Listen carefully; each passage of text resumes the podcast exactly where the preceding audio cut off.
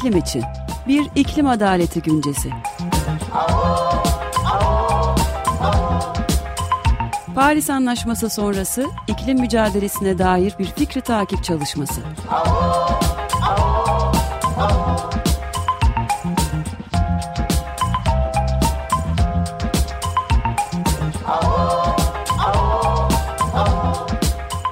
Hazırlayan ve sunanlar Yücel Sönmez, Ömer Madra ve Özdeş Özbay.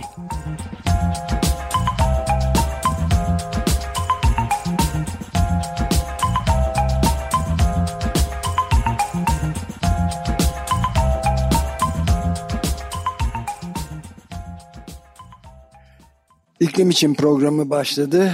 Ben Deniz Ömer Madra. Ben Yücel Sönmez. Ben Özdeş Özbay. Ve dinleyicimiz ve destekçimiz Feride İkiz'e de çok teşekkür ederek başlayalım. Ee, bugünkü, bugün bütün e, her şeyden önce Dünya Radyo Günü'nü kutlayarak başlayalım. Hepimiz için kutlu olsun. Gayet iyi etkinlikler de var görebildiğim kadarıyla. Biz de biraz e, yayınlarımızda yer vermeye çalışıyoruz.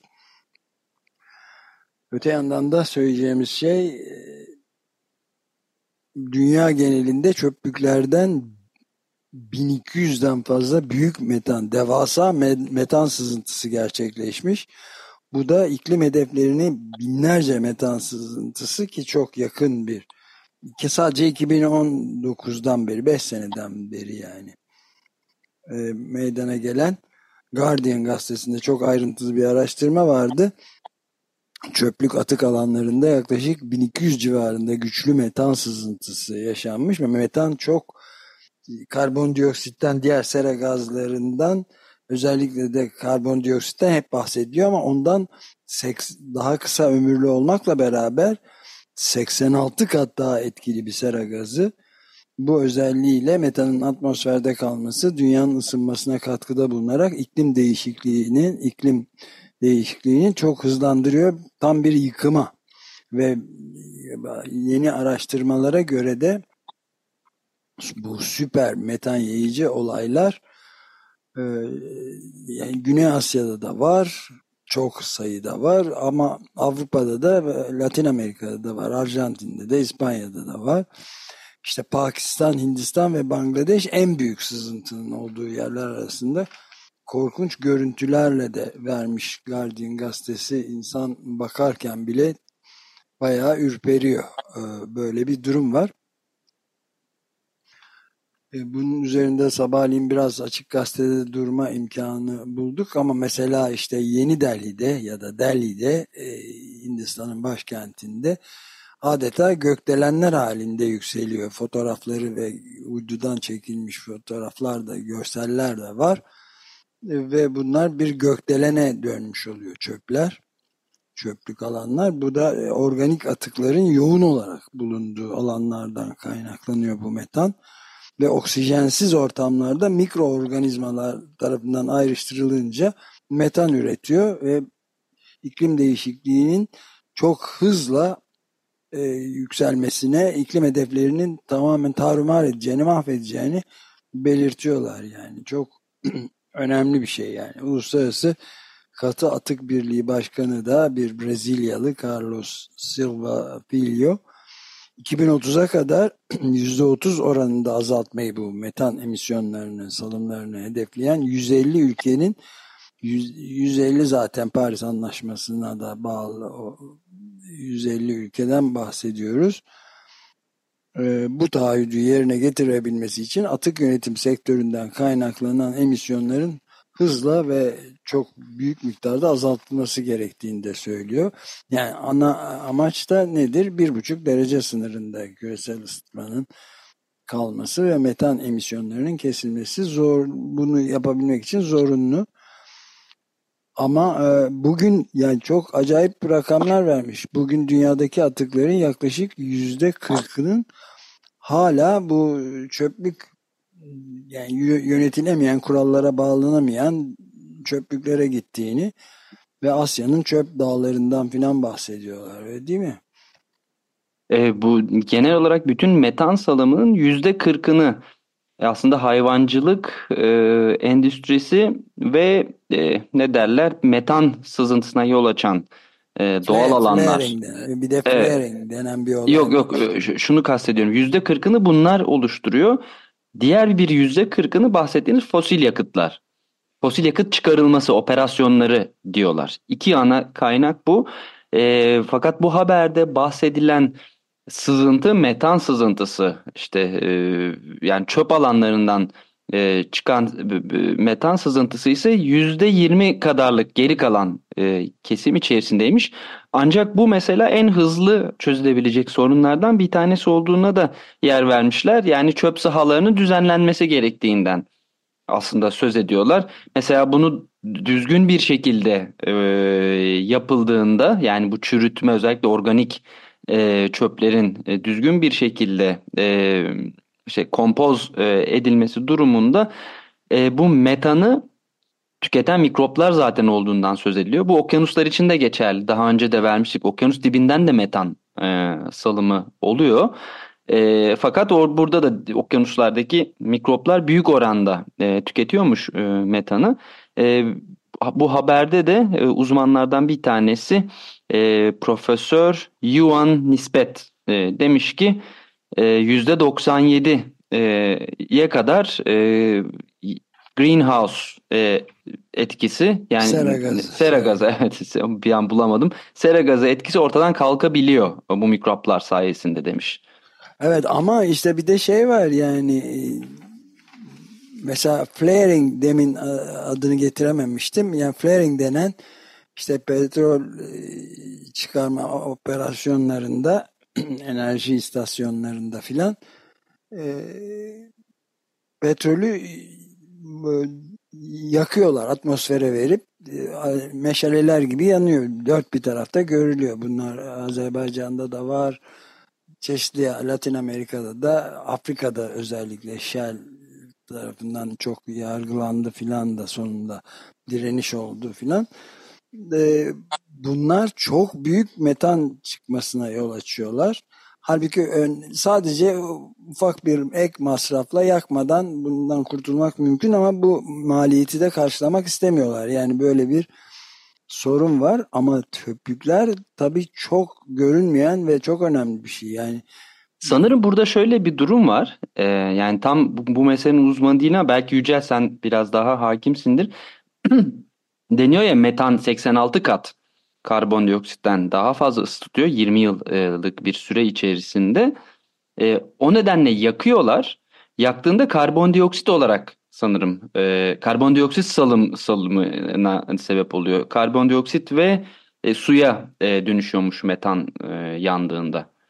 O sebeple güya etkiyi azaltmak için yakıyorlar e, diye anlıyorum ama tam olarak emin değilim bu, bu Ben mesele. de zannet emin de değilim hiç çünkü şey var yani e, bunu önlemenin son derece kolay olduğunu e, ama maliyetle katlanmadığını gösteren bazı araştırmalar da okumuştuk yani. Evet yani e, yani mesela Delhi'den bahsederken 2022 yani bundan iki sene önce Nisan'da saatte 434 ton metan atmosfere salınmış. Saatte 434 ton Yeni Delhi'nin ya da Delhi'nin çöplüklerinden kaynaklanan en kötü metan emisyonuymuş. Yani Delhi'nin çöp dağları, kötü kokuları ve çevreye verdiği zararlarla sadece hava kirliliği problemine yol açmakla kalmıyor diyor haberde.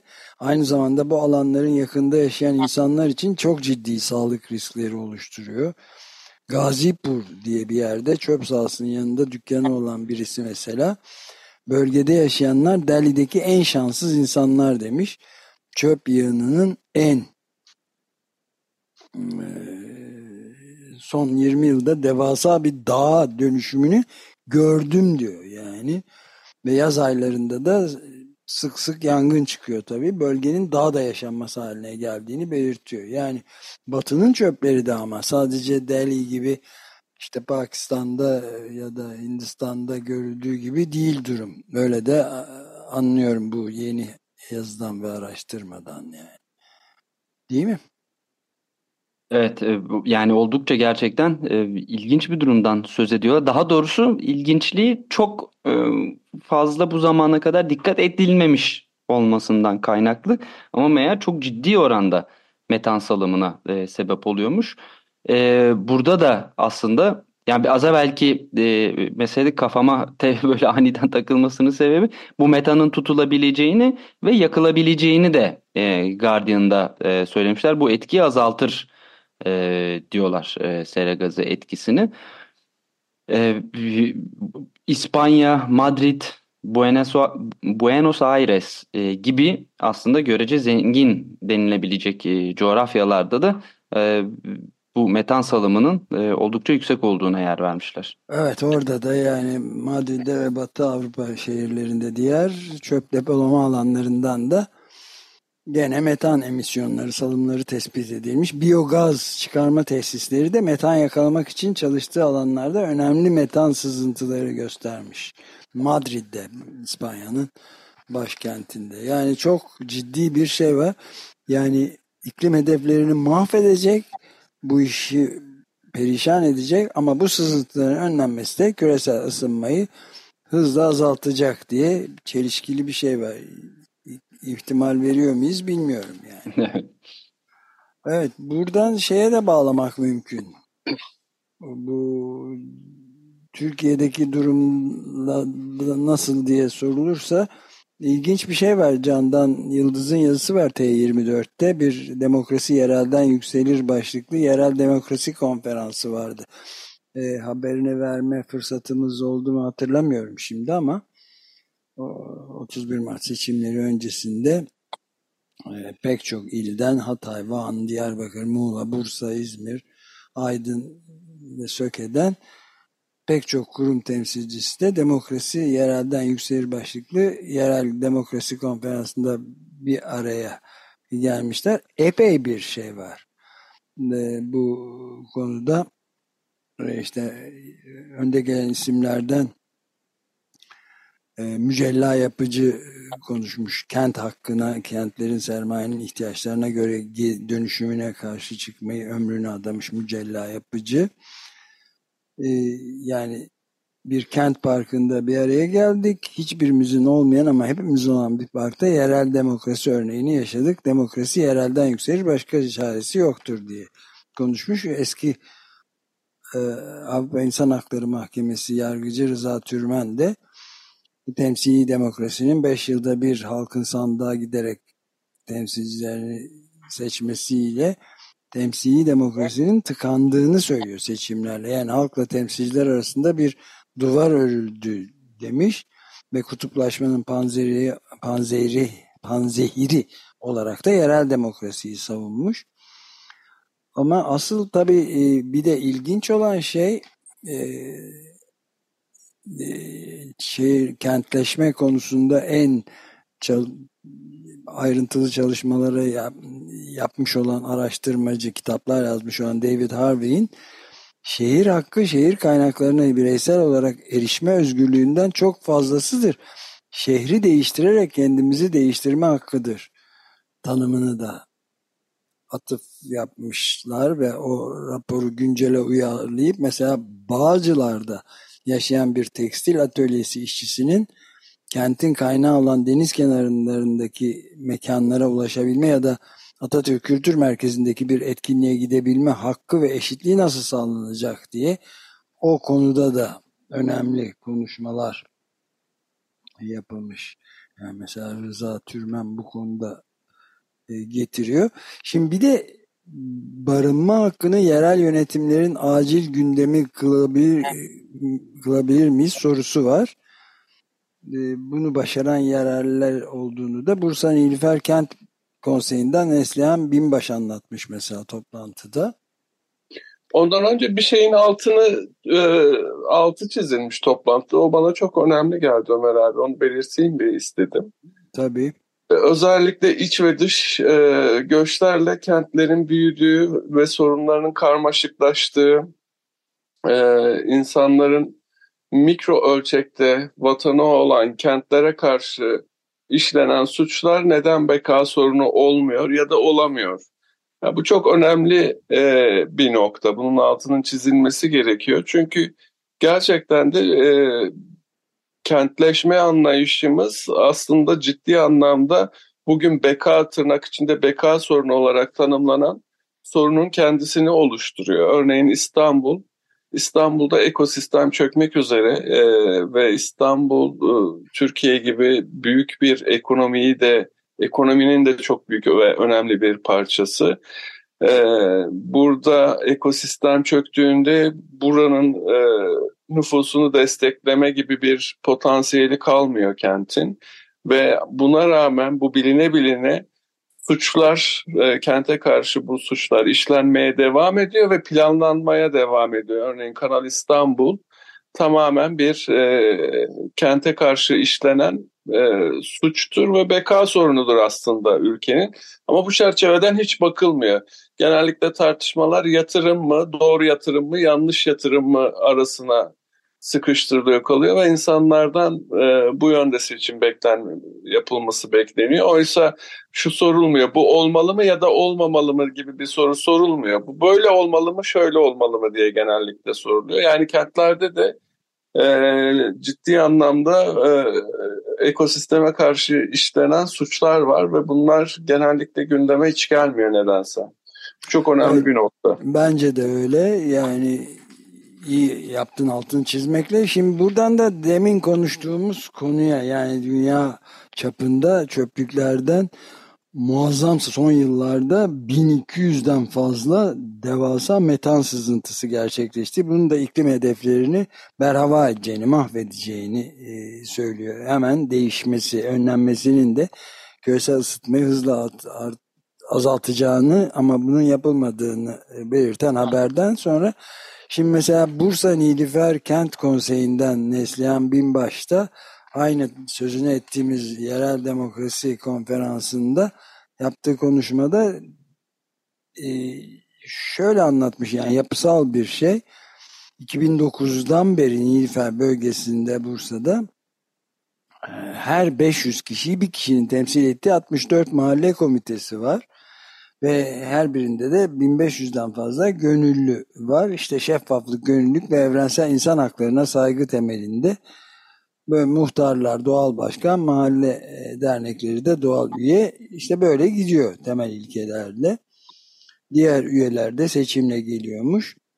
E, yani şimdi yine bir kent çöp atığı tesisine karşı beş mahallenin bir araya geldiği ve mesela Altınşehir Mahalle Komitesi'nde Nilüfer Belediyesi'nin bir okul alanını ticari alana çevirmek üzere karar almasına karşı direnişe geçiyorlar ve e, ey Nilüfer halkı dikkat et seçtiklerini takip et diye karşı durduk diyorlar. Yine de bir başka işte bir kent çöp atığı tesisine karşı da beş mahallenin bir araya gelerek direniş gösterdiği söyleniyor. Aynı şekilde deprem bölgelerinde de Hatay Dikmece'den Hasan Özgün de Akbelen'de yaşananları hatırlatmış ve çok ee, yani 24 Temmuz'da Akbelen'de aynı anda düğmeye basıldı ve dikmeceye saldırıldı. Neneler, teyzeler dikenli çalıların üzerinde sürüklendi, coplandı, tartaklandı, biber gazı kullanıldı. Ardından da zeytinliklere girmeye çalıştılar. Yüz binlerce zeytin ağacını kesmeyi hedefliyorlar. yani e, bu tek bir zeytin ağacını kestirtmedi dikmece halkı zeytinliklerin olmadığı açık tarım arazilerinde sürekli temeller atıldığı, inşaatlar yükseltildiği ve neoliberal saldırılar altında dikmece diyor. Şehrimizi kaybettik. Yürüttüğüm, yürüdüğümüz, dolaştığımız anılar, biriktirdiğimiz sokaklarımızı kaybettik. Önümüzü bulamıyoruz. Ama böyle depremden bu yana Hatay'da iki slogan ortaya çıktı kolektif bir feryat şeklinde. Birisi unutmak yok, affetmek yok, helalleşmek yok. Diğeri ise gitmedik buradayız sloganı. Bizi sürgün etmelerine karşı halkın kolektif bilincinin, kolektif aksiyonunun simgesi oldu bu sözler. Yani susuzluğa, terk edilmişliğe, çaresizliğe, yoksulluğa, salgın hastalıklara, e, hastanelerin ve ulaşımın olmayışına, barınmanın olmayışına, her yağmurda selin basmasına, çadırları suların sürüklemesine rağmen insanlar orayı terk etmemekte de ısrarlı diyorlar. Yani bu da önemli. Bir de e, Muğla, Muğla Milas'tan İkizköy Çevre Komitesi'nden Necla Işık da Açık Radyo'da da sesine yer verdiğimiz Necla Işık da yerelin sözünü konferansa taşımış ve şeyi söylüyor. iki buçuk yıl uyumadık, meclis yollarına düştük, sularımız, toprağımız, zeytinliklerimiz gitmesin diye iktidar gözünü Akbelen'e dikmiş durumda. İnsanların umudunu kırarsak her yeri kolayca alacağız düşüncesi vardı. 6 gün gibi kısa sürede 24 Temmuz'da Akbelen Ormanı katledildi. 90 yaşındaki ninelerimizin, çocuklarımızın gözlerine biber gazı sıkıldı. Bodrum susuz iki baraj kuruldu. Termik santrallere soğutma suyu için içme sularımızı veriyorlar. Göçe zorlanıyoruz diyor. İşte mezarlarımız orada. İnsanların ne ölülerine ne dirilerine saygıları var. Şu anda dinamit patlatıyorlar. Her gün depremi yaşıyoruz diyor. Köylü orayı terk etsin diye her şeyi yapıyorlar. İlçe tarıma gidip zeytin kanunu var dediğim için terörle mücadeleden ifadeye çağırıyorlar. İzinsiz afiş astığımız gerekçesiyle 40 bin lira ceza kesildi. Tozun dumanın altında yaşamak imkansız neredeyse. Her birimiz antidepresan kullanıyoruz. Kanser vakaları artmış durumda ama evlerimizin altında kalsak bile ata topraklarımızı, zeytinliklerimizi terk etmeyeceğiz diyorlar. Böyle bir e, çöplüklerden çıkıp yani metan sızıntı da demek doğru değil metan fışkırması demek lazım aslında oradan ve yeryüzündeki canlılar alemine perişan edecek gazların çöplüklerden çıkmasına gelinceye kadar çok geniş çaplı bir mücadelenin yerelden devam ettiğini de görüyoruz.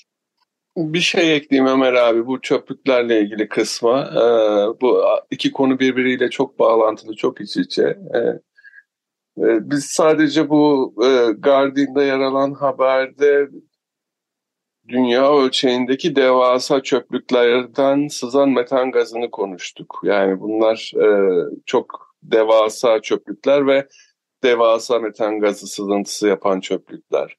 Bir de mikro ölçekte örneğin Türkiye'de, Anadolu'da e, küçük küçük çöplükler var. Şehirler, şehirlerin çöplükleri, ilçelerin çöplükleri. Ee, özellikle bu çöplüklerin su havzaları içinde yer alması yeraltı sularına ve e, yer üstünden akan sulara da çok büyük zararlar veriyor. Çok ciddi bir kirletici yeraltı suları açısından. Hani biz büyük şehirlerin sadece kıyısında çeperinde bir çöplük var gibi düşünüyoruz ama öyle değil. Her ilçenin e, her beldenin e, bir çöplüğü çöplükleri var ve bunlar gerçekten e, doğru düzgün depolanmadığında bu atıklar e, modern bir şekilde de, de depolanmadığında inanılmaz derecede suları zehirleyen bir şeye de dönüşüyor. Bunun da altını çizmek lazım. Anadolu'da birçok yer bu durumdan müzdarip mesela. Nehirlerdeki kirlilikte çok önemli bir payı var bu çöplükler. Bir de garip bir şekildir çöplükler nehir kenarlarında, nehre yakın yerlerde yapılıyor Anadolu'da genellikle. Herhalde su alır götürür mantığıyla biraz. Dolayısıyla ciddi bir problem var e, çöplüklerle ilgili ekolojik açıdan da.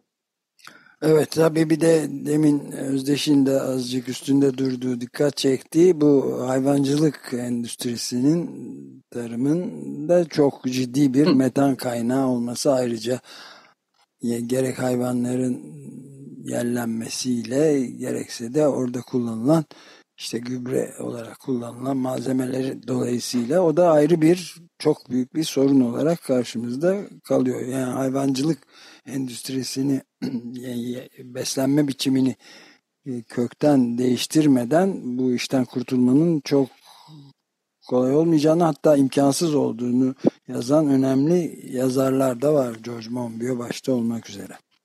Bir başka önemli metan kaynağı da barajlar Ömer abi. Bu çok ciddi bir e, durum. E, barajlar çünkü yüzlerce kilometrelik nehir yatağını e, kaplıyor ve e, o nehir yatağındaki e, bitkiler, ağaçlar vesaire neden olduğu çürüme e, gibi bir takım etkilerle inanılmaz derecede metan gazı yayıyor. Yani mesela çevreci enerji diye nitelendirilir ya genellikle barajlar, e, evet. hidroelektrik santraller. Yani işin bu boyutu hiç hesaba katılmadığı için öyle söyleniyor aslında. Çok ciddi derecede metan gazı e, salıyorlar atmosfere. Evet bunu da ayrıca diğer programlarda da konuşmalıyız herhalde. Güneş panelleri ve yenilenebilir enerjiye neden bu kadar e, yatırım yapılmaması gibi meseleler de var. Ama şimdi programı süresini bitirmiş bulunuyoruz. Bunu ileride muhakkak ele alalım diyerek bitirelim. Hepinize hoşçakalın diyorum. Hoşçakalın. Hoşçakalın.